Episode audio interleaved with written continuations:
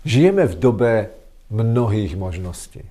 Máme veľké možnosti, kde si vybrať zamestnanie, máme veľké možnosti, kde si nájsť nového partnera, máme veľké možnosti podnikania, skrátka môžeme mať všetkého veľa, veľa oblečenia, veľa aut, na výber je neskutočné množstvo.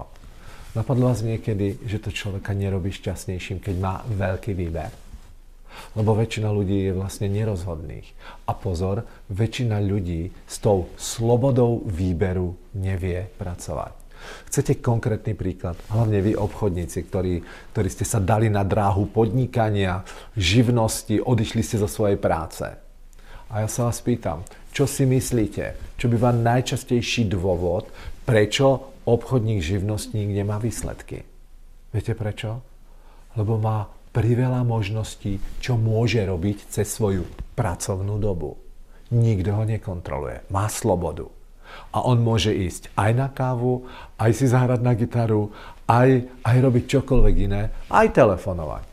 A keďže toho výberu má toľko veľa, tak veľakrát na to telefonovanie neostáva čas. Lebo raná káva, ktorá má byť od 8 do 8.15, trvá do pol 11. A potom príde niečo, čo do toho času znova vojde. Napadlo vás to niekedy, že sloboda je za odmenu?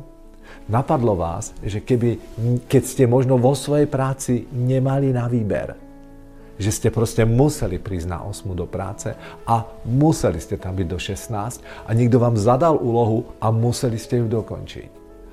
Tak naraz živnostník nemusí. A má možnosti. Má možnosti, ako ten čas využiť. A to býva veľakrát problém. Takže priatelia, to, tá dnešná nakopávačka je, aby sme sa zamysleli nad tým, že to, že máme slobodu výberu a máme toho veľa, máme možnosti veľa, je skvelá príležitosť, ktorú keď nechytíme, tak naopak môže v nás vyvolať ešte viacej stresu.